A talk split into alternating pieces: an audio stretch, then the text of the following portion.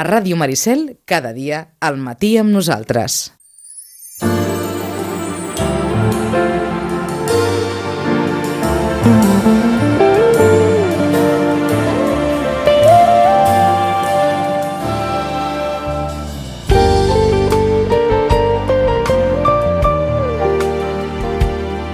I com sempre, aquesta hora d'Europa amb el suport del Consell Català del Moviment Europeu i amb la col·laboració d'Eurolocal. Joaquim Millan, bon dia, bon any. Molt bon dia, bon any.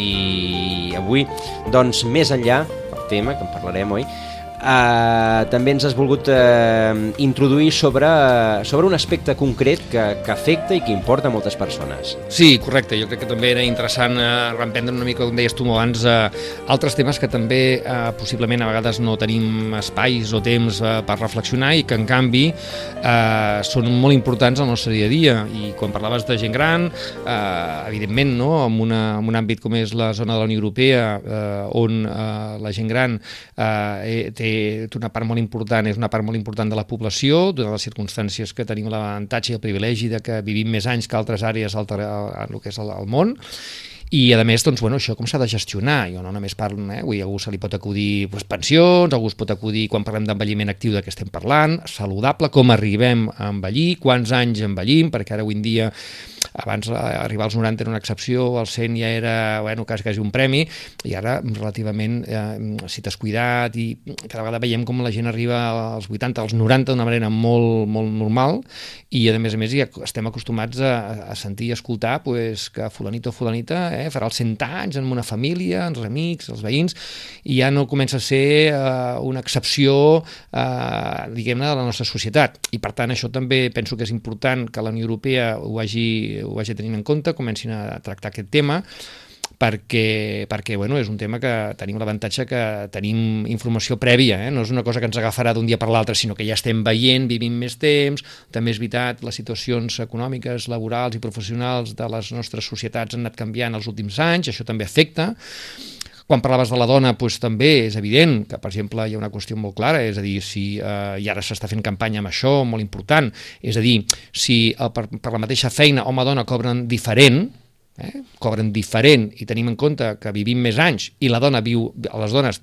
tenen un altre privilegi afegit, que viuen més anys que nosaltres, els homes, doncs clar, vol dir que eh, estaran durant molt més temps cobrant pensions per sota les que haurien d'haver cobrat si haguessin cobrat el mateix que cobra un home per la mateixa feina durant la seva vida laboral. No? I aquest també és un altre tema a tindre en compte, perquè si no tindrem una bellesa, no mileurista, sinó tindrem una bellesa mm, empobrida els propers anys, i això vol dir un cost social eh, molt important, per tant hem de preveure-ho, eh? perquè si no, vull dir, el cost social de, que tindrem tots plegats a poder, eh, ja no estarem parlant de pensions, sinó d'altres qüestions que també ens afectaran. I després també tot el que ve, eh, vull dir, tot el que ve eh, lligat a, amb, amb el tema de la bellesa, eh, quan parlem també de bellesa productiva, què volem dir? Mm? És a dir, quan la bellesa... Eh, quan els avis van a buscar els nens al col·legi, te'ls porten a dinar, els hi paguen el berenar, els hi paguen les colònies a l'estiu, vull dir, tenim una bellesa que també és productiva, també està aportant a la societat eh, o amb diners o també amb accions eh, una, una, una, una economia que ens enten, que, perquè ens entenguem que s'ha de valorar i s'ha de tenir en compte, no és només eh, jo em jubilo, cobro una pensió i ja no participo en la societat, tot el contrari, no? Uh mhm. -huh. I això també és una cosa que s'ha d'anar introduint. Doncs tot això serà l'objecte de la segona de les converses de, que tindrem a l'hora d'Europa d'avui, però la primera, doncs en un dels nostres eh, tertulians habituals, el senyor Xavier Ferrer, president del Consell Català del Moviment Europeu. Senyor Ferrer, bon dia. Bon dia. Um, parlàvem amb vostè fa un parell de mesos, aproximadament, en plena ja vigència del 155, esperant doncs, unes eleccions que deien que havia imposat des d'Europa, es deia, s'havia dit, Um, ara ja sabem el resultat de les eleccions, ja sabem que vés a saber si s'investirà president, Um, us pensàveu fa dos mesos, quan, parlàveu, quan parlàvem amb vostè, que més o menys a principis de gener estaríem on estem? Bé, eh, era previsible que, que sortissin els resultats que, que han sortit, eh, perquè d'alguna forma en el, el context que es polític es havia creat doncs també era complex que, que es canviessin les formes de pensar d'un dia per l'altre i més amb una, amb una situació de de posicions molt, molt, molt concretes, no? o de blocs, per dir-ho així. No? Eh, el que sí que es va produir, que és evident, que és que, que va anar més gent a votar, aquest 80-82% de participació, que d'alguna forma demostren que, que és com si tècnicament hi anés, anés tothom, tothom a votar i per tant va quedar, ha quedat clar com, com ha quedat, eh, diguem, configurat la, la, tant el nombre de vots com, com els diputats. Eh, I ara es genera la situació, diguem, també complexa de, de veure com, com es gestiona tot això, entre altres coses perquè, perquè és difícil eh, arribar amb una certa estabilitat quan hi ha temes per resoldre com és doncs, eh, gent a la presó, gent a fora del país, uh -huh. i si no es resol aquesta, aquesta situació doncs serà complicat que hi hagi una, una certa, diguem, tranquil·litat o estabilitat. Pa, passat el 21 de desembre es pot eh, afirmar com doncs, s'insinuava abans de, de la data d'aquestes eleccions que que Europa volia comptar-nos? O, o això respon més allò a un, a un desig del món sobiranista que, que no pas d'una constatació real? Jo crec que quan parlem d'Europa eh, hauríem de parlar més de, de, del que és Unió Europea, no? Uh -huh. Unió, Unió Europea, que, que són aquests 27-28 estats, un dels quals és l'estat espanyol, i la, la versió oficial, com sabem i han dit moltes vegades, altra cosa és la, la versió oficiosa que en podem parlar, però la posició oficial és que l'afer, diguem, català, com l'afer de Còrsega, com l'afer d'altres eh, entitats que no són estats, són afers interns. Eh, I per tant, eh, la Unió Europea o les institucions europees no, no s'hi posaran fins que, fins que el conflicte pugui passar o de passar el que és, eh, el que és la, la gestió d'un estat i, i ho vam veure en, en, en moments complexos com l'1 d'octubre i, i altres moments de, del trimestre passat. Per tant, jo crec que no, no és d'esperar que, que hi hagi un, un posicionament oficial de la Unió Europea. Altra cosa és que des de les instàncies europees eh, es vulgui o s'insisteixi de que s'ha de resoldre aquesta situació de catalana, que sí que és evident que és una, un problema o una situació, diguem, no només espanyola, sinó europea, el... perquè afecta i té, i té connotacions, diguéssim, eh, col·laterals. Ja ho dèiem un escrit de, de, lo, dels reptes que pot tenir la Unió Europea, que si volem en parlem, uh mhm. -huh. cap a, a dintre de lo que és el 2018, i un d'aquests reptes eh, posava doncs, de reptes polítics interns que faria bé la Unió Europea de gestionar aquestes realitats que estan per sota d'un estat i que, i que la seva ciutadania, amb un percentatge significatiu, demana doncs, participació i, i, i sobirania.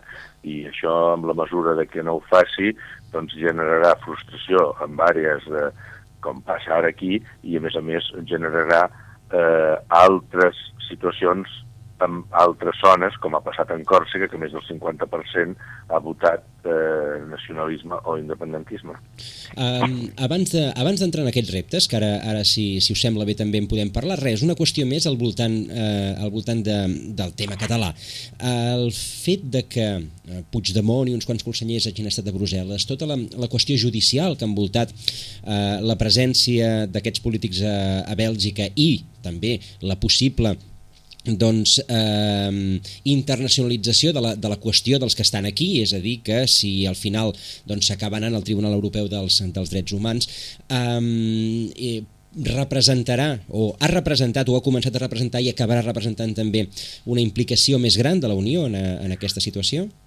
Home, el que, el que és evident és que ja no tant de la Unió Europea, sinó del, del món en general, la, la, la realitat de Brussel·les, o que la posició doncs, de, de Puigdemont i els altres quatre consellers allà, doncs dona, dona un plus d'internacionalitat en, el, en el tema, diguem, en el conflicte català. Uh -huh. És evident.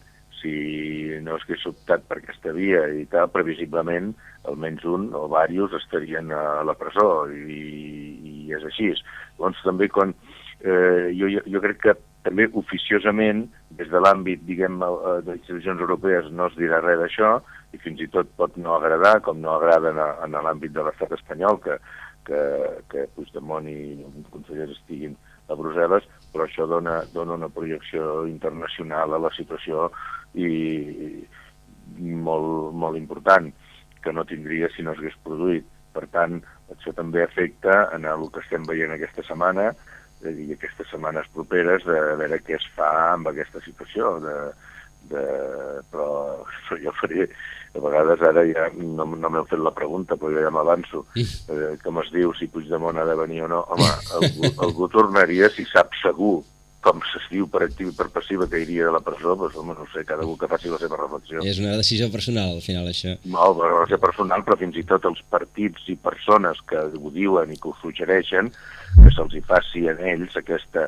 pregunta de si tornarien a un país que eh, el percentatge de possibilitats de que només de trepitjar el país doncs, te'n vas a la presó, doncs si es tornaria o no, cada un que faci aquesta pregunta individualment.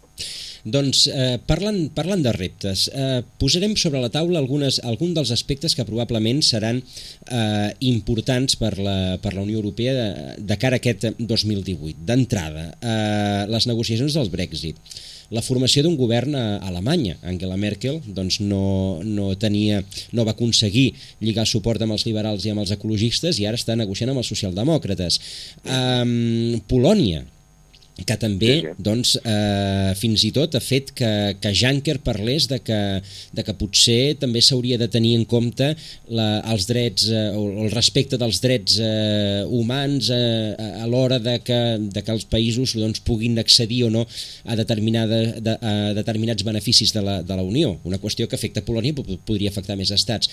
Per tant, sí, sí. I, i evidentment el repte de sempre, el de, de sempre dels últims anys, de, de la immigració, la frontera sud d'Europa, el problema, els problemes que té especialment Itàlia eh, amb aquesta qüestió. Quins d'aquests reptes eh, són els que de fet s'hauran d'afrontar eh, o, o podran tenir resposta o si ens n'hem deixat algun? Sí, ens hem, bueno, ens hem deixat algun. Jo en aquesta reflexió de primers de, de gener, uh -huh. que sempre se sol fer, però està, però està doncs, diguem, publicada i tot en el diumenge de sortir a presència en el punt avui, uh -huh. eh, jo hi afegiria que aquests, doncs, els podem, els, que has descrit, doncs són, i són, aquests reptes i faria bé la Unió Europea de, de solucionar-los com a mínim encarrilar-los, però n'hi veig més. Un, un, un que és eh, molt important a la meva manera de veure, que és el repte econòmic. El repte econòmic es basa en, en, en, bueno, en una cosa tan senzilla i tan complexa com superar la crisi i, i, i, i ho centraríem en un parell, en un parell de consideracions. Una, no s'ha sortit encara de la crisi i quan se n'està sortint estan passant unes coses en, el, en, el, en els països de la Unió Europea que s'està sortint, uns més que altres, s'està produint una, una situació que no és bona de cara al futur, que és que estan creixent les desigualtats i una mica una feblesa de lo que s'entén com a classe mitjana i després estan quedant mm, un, un percentatge important de, de ciutadans el que diríem fora del sistema o fora de, de l'àmbit de, de poder entrar fàcilment en, la, en, el que seria l'engranatge de trobar feina i tot això. I quan això passa en una societat no és bo, no és bo. Perquè d'alguna forma els diners podrem dir, podem dir, i són iguals, el que han quedat, diguem, mal repartits o repartits més desigualment desigual. Això s'ha escrit molt, per tant, la desigualtat en aquest aspecte és, és fonamental corregir-ho. Ja sé que en, primera, en una primera instància eh, s'han fet accions per sortir de la crisi, per trobar feina, amb sous més baixos i tal. Ara jo crec que toca donar aquest punt de, de que amb, amb, amb voluntat política i sobretot amb solidaritat eh, ben entesa doncs, que, tot, que, que, que, es, que es permeti que la gent entri en el mercat de, de, laboral amb més possibilitats i amb, més, eh, amb sous més alts, que no quedi ningú fora. Això seria en l'àmbit diguem, econòmic. I sou, altres sou, que... sou, sou, si, si em permeteu, us tallo, eh, sou economista i per tant d'això doncs, en, en sabeu més que, més que nosaltres. Eh, per una banda, eh, aquest, aquest és l'any que el Banc Central Europeu ha de començar a, a, a treure aquells incentius eh, amb els quals ha estat aguantant les economies bona part de la crisi. Aquella famosa fra frase del 2012 de Mario Draghi, farem tot el necessari, doncs aquells incentius que van aparèixer aleshores, aquest és l'any que han de començar a desaparèixer i això també pot tenir implicacions. I per altra banda, el que esteu comentant probablement és un canvi de paradigma també, de com funcionem. Sí, és un canvi de... de o sigui, això és veritat, eh, tot, tot, tot i que jo crec que encara Draghi encara tardarà algun temps, especialment als països del sud, a, a treure aquests incentius, eh, o aquest diner, diguem, fàcil, fàcil o, o, o barat, però sí que s'ha de, de fer aquest, aquest canvi de, de mentalitat, perquè què ha passat especialment en els països del sud? S'ha pogut funcionar eh, però i s'ha creat, eh, diguem, ocupació, uh Mhm. -huh. però amb salaris molt baixos i incrementant, si mirem l'estat espanyol, incrementant el deute i, i estem ja en el 100% de deute públic i, i, i després i també eh, com buidant o limitant doncs, el, el, el que hi havia doncs, en, en el fons de les, de les pensions. Per tant, vol dir que, que l'Estat ha fet diguem, un esforç o, està fent un esforç però que no el pot fer molt més si no hi ha uns canvis de... Dit d'una altra manera, les pensions al final s'hauran de finançar per, amb impostos, eh? I això vol dir que, que, que costarà més, els impostos al final els paga la societat, els paguen les empreses. Per tant, eh, s'ha de fer aquesta, aquest, aquest canvi de, de mirada que qui més té també aporti més en el benefici social, el seu propi benefici futur, eh? o per, per la pròpia estabilitat. Per tant, realment estem davant d'un canvi de paradigma, finançar les pensions via impostos, més enllà de, de via deduccions de, de, de treball, eh, és un canvi de paradigma i, i probablement haurem de caure aquí. El 2018 serà l'any de la, anava a dir, de la bufetada? Això en l'estat en l'estat espanyol, en altres estats estan en altra situació. Correcte, sí, sí, sí, situació. exacte. Però sí, sí, i tot això només es pot fer d'una jo crec que es pot fer d'una manera, que és en consens polític, de, de tots, o de la majoria dels partits polítics. I dins no. d'aquest consens polític també hi ha d'haver aquest consens que hem reclamat en diferents, en diferents àmbits polític, des de l'àmbit econòmic, és que, que, que estem parlant, però també des de l'àmbit polític amb el tema de, de, de Catalunya. S'ha de trobar un encaix que es dongui doncs, la sortida o que el, el, aquest 50% de la població que, eh, catalana que demanda més eh, sobirania doncs, se, se, se, se senti i, diguem, mm, amb, amb una resposta adequada i això vol dir que les dues parts han de fer concessions. Uh -huh. el, el que passa és que no, no està el clima ara mateix no està el clima ara mateix per, per, per, per preveure que, que aquest consens, si no hi ha un consens amb la, amb la qüestió nacional, buscar un consens en la qüestió econòmica encara sembla més, més llunyà. No, jo crec que bueno, sempre, sempre és més complicat eh, les qüestions polítiques de, uh -huh. de fons. Les qüestions econòmiques eh, a vegades ens hi porten la, la pròpia realitat, no? O sigui, quan, quan t'ensenyen els números eh, doncs a vegades s'han d'afrontar. Si no recordeu fa 6-7 anys, el mes de maig, quan aquí encara, sota el govern Zapatero, encara es feia allò del de, el plan E, o no sé com es deia, que era inversió pública pel, per com semblava que així es donaves feina, i fins un dia que hi va haver unes trucades i es va dir home, que ja estem en crisi i a partir d'aquí es va començar a, a canviar la política. Eh, per tant, no sé, diguem-ho així, és que l'economia no té ideologia, no té, no té ideologia, no té, no té tant sentiment com pot tenir una situació política com és la catalana. Jo crec que és molt més senzill trobar consens. Altra cosa és que sigui complicat pel context, perquè perquè per mantenir l'estat del benestar que tenim a, a Occident i en el nostre país, que ho hem de fer de, de, de, totes, de totes les maneres, en de sanitat, estic pensant també en tot el tema d'educació i en tot el tema de, de la gent gran, o sigui, en el sentit de, de les pensions, això val molts diners i, i s'ha de mantenir, perquè és la cohesió, són els valors d'Europa i la cohesió social. Però, bueno, s'han de prendre decisions i s'ha de fer que la societat estigui cohesionada, si no, no, si no, no ho aconseguirem. Anava a dir, traiem la bola. Les, es prendran aquestes decisions necessàries o imprescindibles? Jo, jo crec que econòmicament s'hauran de, de, de prendre. és que si no, si no, no anem, no anem bé. No anem enlloc. Eh? Si no, ah, anem, sigui, a, pi- més que anar bé, anem a pitjor.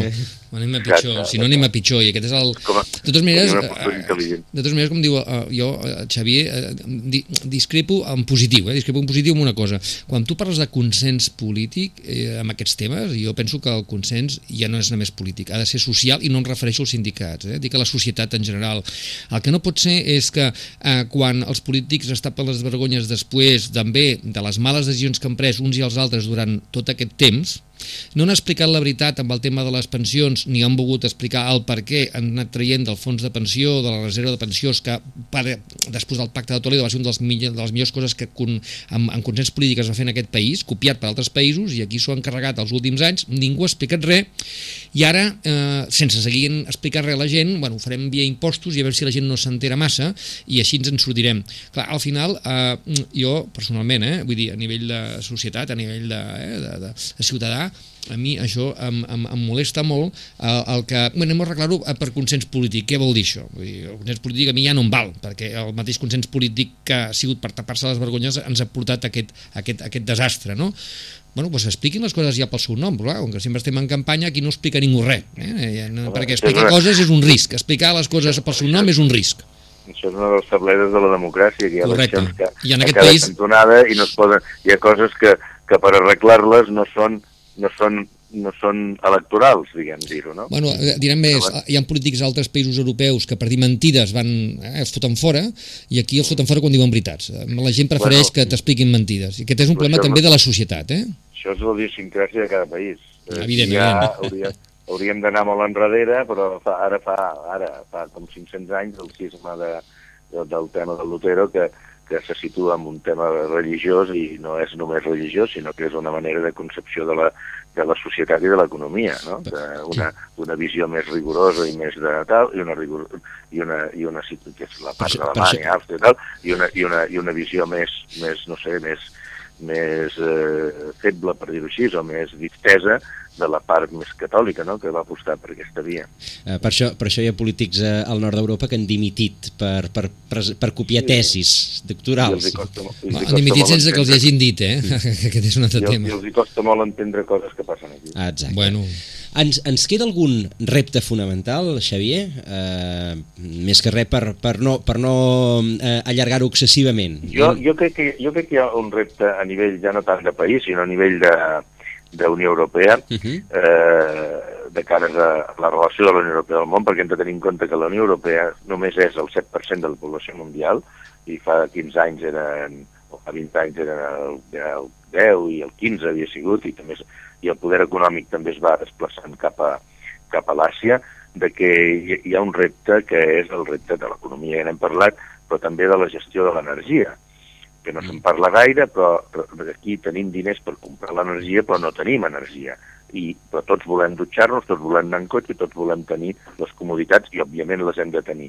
Eh, actualment estem comprant a fora el 50% de l'energia i està previst que d'aquí a 20 anys el 70%. Això requereix que, que tinguem bones relacions amb els països productors d'energia, la geopolítica que es diu, perquè és que si no, encara que tinguis diners, mm, si no hi tens bones relacions, doncs no, no, no, no podràs fer bons acords per subministrar energia i benestar a la, a la, a la població. Això vol dir bones relacions amb Rússia, amb Turquia i amb tota l'àrea que, que tenim. I després també amb Àfrica, i Àfrica té un problema afegit, que és un altre dels problemes que jo veig, potser no per l'any que ve ni d'aquí dos anys, però d'aquí 15 anys, que és l'explosió demogràfica de l'Àfrica, que passarà en pocs anys de tenir doncs, mil milions, de tenir pràcticament 2.000, amb el qual vol dir que la majoria seran joves i si no se'ls hi ensenya o facilita que puguin desenvolupar-se en els seus països d'origen, que és el que segur que voldrien fer, doncs evidentment faran el que ja fan ara, però molt més massivament, que és venir cap a terres europees. I això és un repte, un repte de la, de la gestió de l'energia, de l'economia en general, de la gestió de l'energia i després de la, de la immigració. Doncs amb aquests dos reptes, un d'ells de, ja l'havíem apuntat, però que pot esclatar no probablement aquest eh, 2018, però sí en, en anys propers, i la gestió de l'energia, doncs això, els gasoductes eh, amb Rússia eh, i, no, òbviament, la, la situació eh, de, de l'Orient Mitjà i, i, i la, anava a dir el niu del petroli. I uh, Àfrica també, que també ve, eh? De, des del gas, ve molt gas. De, sí, d'Algèria. Uh -huh. És... Doncs eh, al final tot, tot eh, són vasos comunicants i com en un món cada cop més global, doncs eh, això obliga també a Europa a reposicionar-se. N'hem parlat eh, durant aquesta estoneta amb el president del Consell Català del Moviment Europeu, el senyor Xavier Ferrer. Senyor Ferrer, moltíssimes gràcies per aquesta estoneta. Ens veiem aviat, Xavier, una abraçada i gràcies per estar aquí. Molt bé, que vagi bé.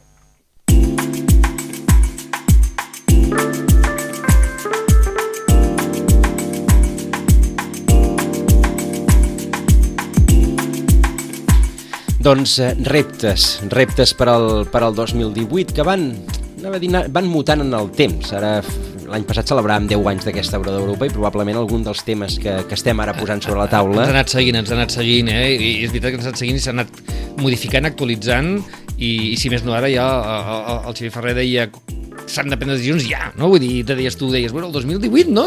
Qui les prendrà? Perquè clar, dius, el 2018 és un any complexa perquè estem ja, el 2019 tindrem, juny 2019 tindrem eleccions municipals i europees, uh -huh. si no s'avancen les espanyoles, que és una altra de les coses que s'està parlant aquest 2018, que podrien avançar a les eleccions generals espanyoles de les circumstàncies del mal resultat del Partit Popular aquí i tot el debat intern que té el Partit Popular en aquests moments i que s'han de prendre decisions que poder no són agradables de prendre aquest any i, bueno, poder buscar altres consensos, no serà fàcil, i veurem, no? Vull dir que estem també en un any eh, complex. Però també et dic, ara cada any ja és complexa per si mateix, vull dir que tampoc és una cosa que eh, ens eh, comenci a incomodar, sinó que ja vivim eh, amb aquesta incomoditat política o aquesta excepcionalitat política constantment. bueno, ja ho veurem, eh, a poc a poc. És, és, és complex, és complex el panorama que, que tenim per, per davant. I una de les complexitats és la, la que està relacionada amb la, amb la gent gran. Per això eh, saludem a la nostra altra contertuliana d'avui. No l'havíem saludat mai, amb la senyora Neus Pociello. Senyor Pociello, bon dia. Molt bon dia. Uh, que és uh, coordinadora del grup de territorialitat i de violències masclistes del Consell de Dones de Barcelona, membre del Consell Nacional de Dones de Catalunya i bé, també de, uh, membre de la plataforma europea AGE com a membre del grup de treball de promoció dels drets humans a les persones grans. Eh, una persona molt, molt implicada en tota la qüestió de les persones grans, per, per, perquè ens entenguem, perquè és que hem llegit el currículum i, i teniu molta, uh, molta relació en, en la feina mm, dedicada a les persones grans. Una i ara parlàvem fa una estoneta del, del tema de les pensions, per tant, déu nhi uh, Senyor Pociello, mm, la, les pensions és, és el que més preocupa a les persones grans? Doncs bé, evidentment eh, el tema de les pensions és una gran preocupació, no? perquè la, el sosteniment no? de, de, la, de la vida no només eh, hi ha una preocupació personal, sinó que cal enfocar-ho des de la perspectiva dels drets. No? Les persones grans igual que qualsevol altra persona en qualsevol altre moment no, vital, doncs eh, tenen, tenen dret no, de tenir una vida digna i independent eh, per realitzar doncs, els seus propis desitjos i si no hi ha una cobertura a nivell de, de pensions, doncs aquest dret fonamental no es pot, no, es, no, no es pot protegir ni se'n pot donar resposta ni es pot assegurar. Uh mhm. -huh. Per tant, estem una mica canviant el paradigma. Ara mateix ja hem descobert una cosa que ens temíem fa temps, que és que el sistema tal i com el tenim ara no és sostenible i d'aquesta manera eh, s'ha de buscar una, una fórmula perquè el, el sistema sigui sostenible econòmicament sense, a dir, malbaratar el, això que comentàveu ara, els drets humans d'aquestes persones. Sí, no? exactament. Evidentment ens trobem davant d'un gran repte, no? Vull dir, el sistema està obsolet perquè també hi ha, hi ha un canvi, no? Hi ha un, hi ha un canvi demogràfic i social importantíssim. Eh, la, la població, doncs, no només a casa nostra, no? sinó a Europa i, i a nivell de tot el món, eh, hi ha un envelliment demogràfic i, per tant, doncs, el, el sistema que funcionava fins ara no, no, no, ja, ja, no, ja no funciona més. No? Actualment doncs, hi ha més persones grans que, que criatures que estan naixent. Per uh -huh. tant, també eh, persones que, menys persones que ens anem trobant amb actiu eh, respecte a les persones doncs, que, que ja pues, han, han acabat la seva vida laboral, no? I això també ens planteja altres, altres canvis de, de paradigma no? en quant a l'aportació no? de les persones grans més enllà d'aquesta d'aquesta vida productiva. Em, em permetreu una, una pregunta abans de desenvolupar eh, eh, això que apuntàveu. Eh, com podríem definir què és una persona gran? Perquè abans en Joaquim, doncs, quan presentàvem aquesta, aquesta conversa, ens ho deia, home, el concepte de persona gran, doncs clar, abans dels 80 anys n'arribava un de cada tants, i ara doncs, és relativament normal que qui hagi portat una vida eh, de, no dir, sense excessos pugui arribar als 80 anys. Què és una persona gran?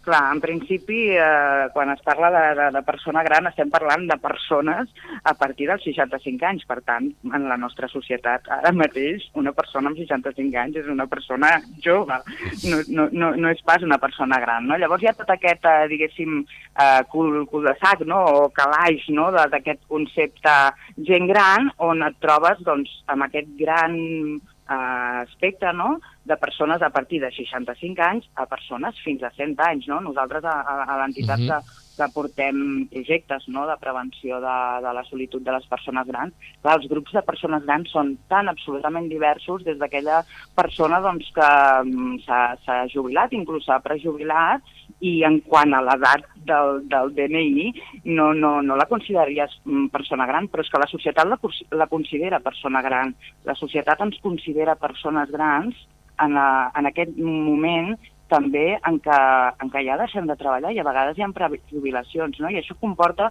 tota una afectació també a nivell eh, psicològic, i a nivell doncs, personal no? que, que, que denigra no? la, la part de dignitat i, la, i, la, i les possibilitats d'aquella persona de poder seguir desenvolupant-se i de seguir aportant potser amb altres alternatives, no, no des de l'àmbit laboral, però a través d'un voluntariat, a través d'una participació en una entitat social, i bueno, potser m'avanço una mica, no? però també com a subjecte polític participant no? en processos participatius que permetin assegurar aquestes mesures uh -huh. i assegurar aquests drets humans. Bueno, és el que dèiem, no? que poder, eh, una cosa és jubilar-se laboralment i l'altra moltes vegades uh -huh. la gent diu jo no em jubilo de la vida, eh? jo segueixo sent actiu, no? i aquest mm, envelliment actiu lligat a aquell concepte d'envelliment actiu productiu, és a dir, que la, la societat també eh, conegui i reconegui eh, aquesta productivitat de la gent gran. És a dir, quan fan de voluntariat, gràcies al voluntariat de la gent gran, si ara mateix, diguéssim, avui eh, la gent gran, eh, diguéssim a la ràdio, la gent gran, en aquest cas de Sitges, avui fa vaga, és a dir, no es mourà de casa del sofà de casa. Bueno, tenim un col·lapse a les escoles, tenim un col·lapse a les majories d'entitats eh, socials que treballen a Sitges, tenim un col·lapse a Creu Roja, tenim un col·lapse a Càritas, tenim un col·lapse... Perquè, clar, hi ha una sèrie de coses que les, les porten, l'activitat la, és bàsicament de gent gran, que no, a vegades no són conscients que si ells aquell dia fan vaga, eh, bueno, i què farem llavors? No? Per tant, jo penso que també socialment, no, Neus, hem d'anar treballant per eh, conèixer i reconèixer eh, que, com tu dius molt bé, una persona que deixa de treballar ja no vol dir que ja no ens aporta res a la societat, sinó que està aportant de forma diferent. Exacte, no? cal posar sobre la taula el tema dels estereotips no? a, respecte a les, les, les persones grans. Vull dir, tenim uns estereotips, el primer és aquest, no? que la, la pregunta que fèiem, no? que què, què és ser persona gran? No?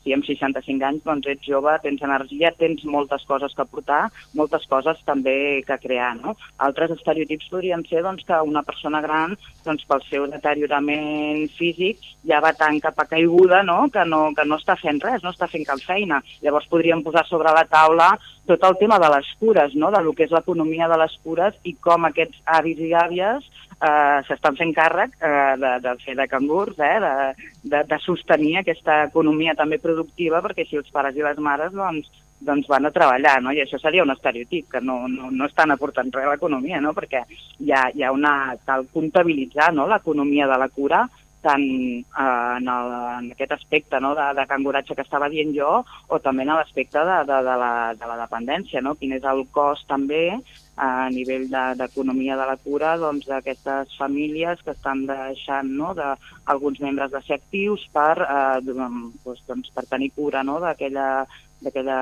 persona gran de, de la família o eh, el, la, la, les persones que, que s'hi dediquen, no? també a nivell professional. Vull dir que, eh, que aquest sistema cal que comenci a contemplar no? eh, aquestes altres mirades, no? que és eh, comptabilitzar no? tot això que fins ara semblava que no, no hi havia eh, un tema econòmic al darrere.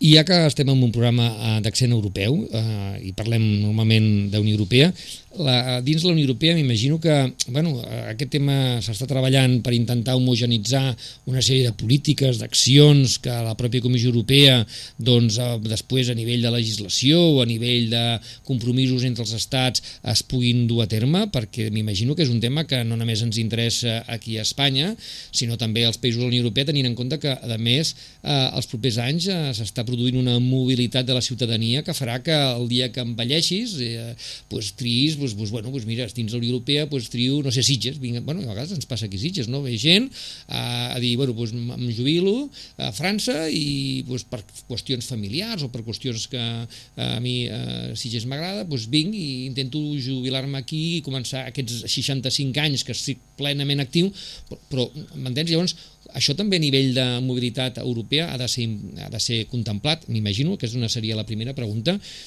I després, que és clar també el, les diferències que hi han també a nivell eh, europeu. Per exemple, hi havia ja l'exemple de que a, Espanya és el segon país eh, amb taxa d'esperança de vida després del Japó, per tant aquí vivim comparativament a altres eh, països dels 27 o 28 som els que vivim més anys a nivell europeu. I ja et dic el segon al món però en canvi per exemple Espanya que té un altre problema que som el segon país amb, amb, amb baixa taxa de natalitat eh? i ens guanyen a més un altre país o un altre estat que és l'estat del Vaticà. Per tant vol dir que anem malament en aquest sentit eh? o hauríem de fer més deures que els altres. Això a nivell europeu com està contemplat? Bé, eh, com, com sabeu, doncs, eh, la, la, la realitat no? la europea, no? la dimensió europea és absolutament diversa, eh, és una prioritat no? dintre de, la, de, de lo que és eh, Europa, no? doncs hi, hauria, hi ha dos, eh, diguéssim, dos mecanismes, però principalment el Consell d'Europa no? és el, el, el, el, el que marca no? a partir de la Convenció de la Protecció dels Drets Humans no? Eh, el, el, el tema, no? o el poder protegir no? aquesta, el, el poder empujar, no? el poder d'alguna manera anar al darrere dels estats perquè implementin mesures perquè hi hagi doncs, una, una bona qualitat de vida per les persones grans, però a partir d'aquí doncs, les, les realitats no, polítiques eh, són absolutament diverses i no tothom eh, acaba ratificant no, el, els diferents apartats d'aquestes convencions. El, el tema és que, la, la, que les convencions no, o els protocols que existeixen, que n'hi ha molts eh, d'instruments, jo penso que, es fa un treball en profunditat i es porta tot un procés, vull dir que el treball hi és i això és, és molt important, però que clar, són convencions i protocols que són genèrics, estem parlant de drets humans en genèric i ara cal que, que siguem una miqueta més específics no? per aquesta realitat que estaves dient tu, per la realitat de la mobilitat, per la realitat del canvi demogràfic. O sigui, la, la població ja no té la mateixa pinta que abans i per tant no podem parlar així, no ens podem quedar en el marc del, del genèric, de dir, bueno, doncs protegirem eh, que totes les persones doncs, puguin tenir una opinió política sense discriminació, que puguin comptar no, amb tots els recursos, amb la protecció social, no ens podem quedar aquí perquè hi ha una realitat molt, molt específica i cal començar a treballar eh, amb, amb una convenció o amb convenis que siguin totalment específics, igual que s'ha fet amb les persones amb discapacitat, per tal de començar a posar sobre la taula eh, què fem amb l'atenció pal·liativa, per exemple, no?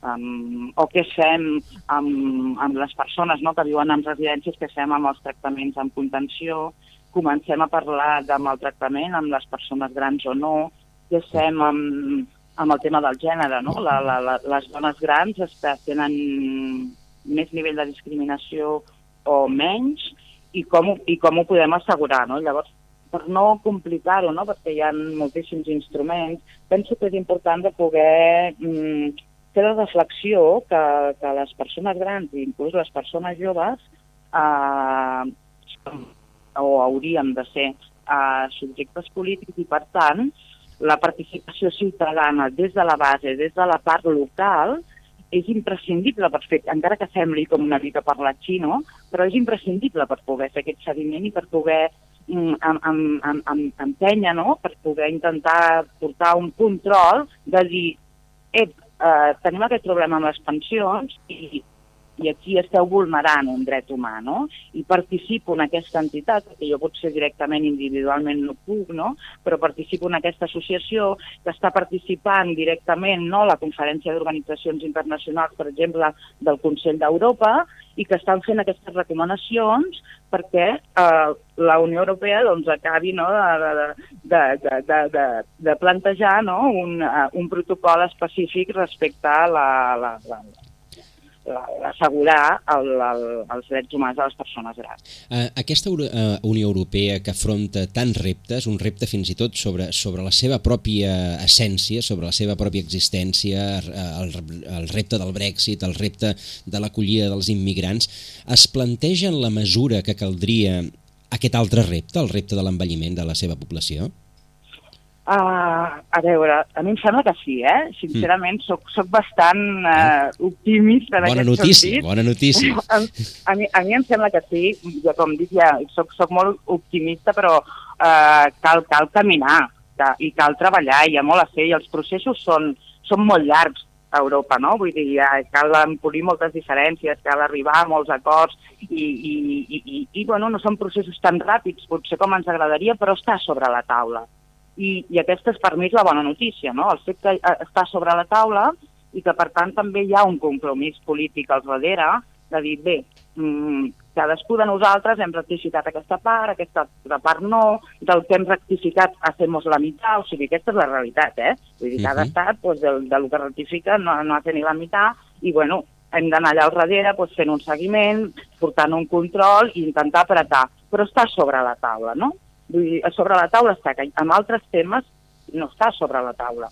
Vull dir, o està, diguéssim, a mitges. I jo penso que en el cas de, de, de l'envelliment, no? del, del repte de l'envelliment i del repte d'aquest de, canvi de paradigma no? en el sistema, diguéssim, d'economia, de, no? de l'economia de les cures, de, de la, del valor, no? de l'aportació del desenvolupament de les persones grans, està sobre la taula i hi ha grans plataformes que ja estan treballant moltíssim eh, tant a nivell mm, català, no? com podria ser la FATEC o, o la FOCAC, o les grans federacions que estan participant a nivell europeu en la plataforma Edge o a nivell estatal, no? com SEOMA, que, que, està realment fent un treball en profunditat per fer eh, unes bones recomanacions per anar posant, dinamitzant no? i dient, bueno, aquesta voluntat política que hi ha, anem-la concretant i anem-la posant en petites mesures, no? És a dir, el... I això no vol dir, aquest optimisme no vol dir que haguem de veure, diguéssim, que tingui que ser una cosa utòpica de dir, ai, com, mira, com que ho tenen sobre la taula ja no, ten, ja no en tenim cap de problema amb les pensions. No, no. En tenim un de gros, però coneixem bé quins instruments hi ha i què és el que hem de complir, llavors pressionem. I tenim bones entitats eh, i, i ens locals no? que, que, que poden ser uns bons instruments per fer aquesta pressió. D'acord. És a dir, el, el problema més o menys tothom assumeix que hi és i ara falta doncs, que, que es pugui pressionar de manera adequada a qui ha de prendre les decisions perquè aquestes decisions que en alguns casos és possible que, doncs, que siguin complexes eh, i que comportin canvis estructurals doncs, eh, es prenguin en la, en la direcció que, que benefici al màxim de persones. Més o menys aniria per aquí? Sí, sí, de manera pues, això, adequada i penso específica, no? Que hi ha, hi ha certs temes, no?, pel tema dels estereotips i de la cultura generacional, doncs que, que ens costen de dir, no? És com allò de dir, la persona gran doncs, està al final de la vida, doncs, bueno, saps? Que Exacte. ja...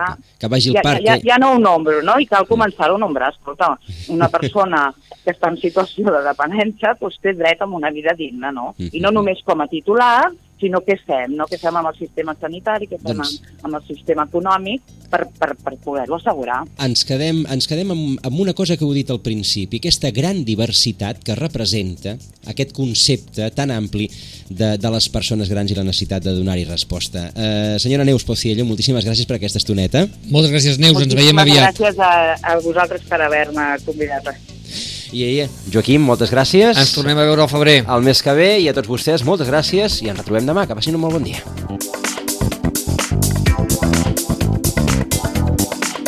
A Ràdio Maricel, cada dia, al matí amb nosaltres.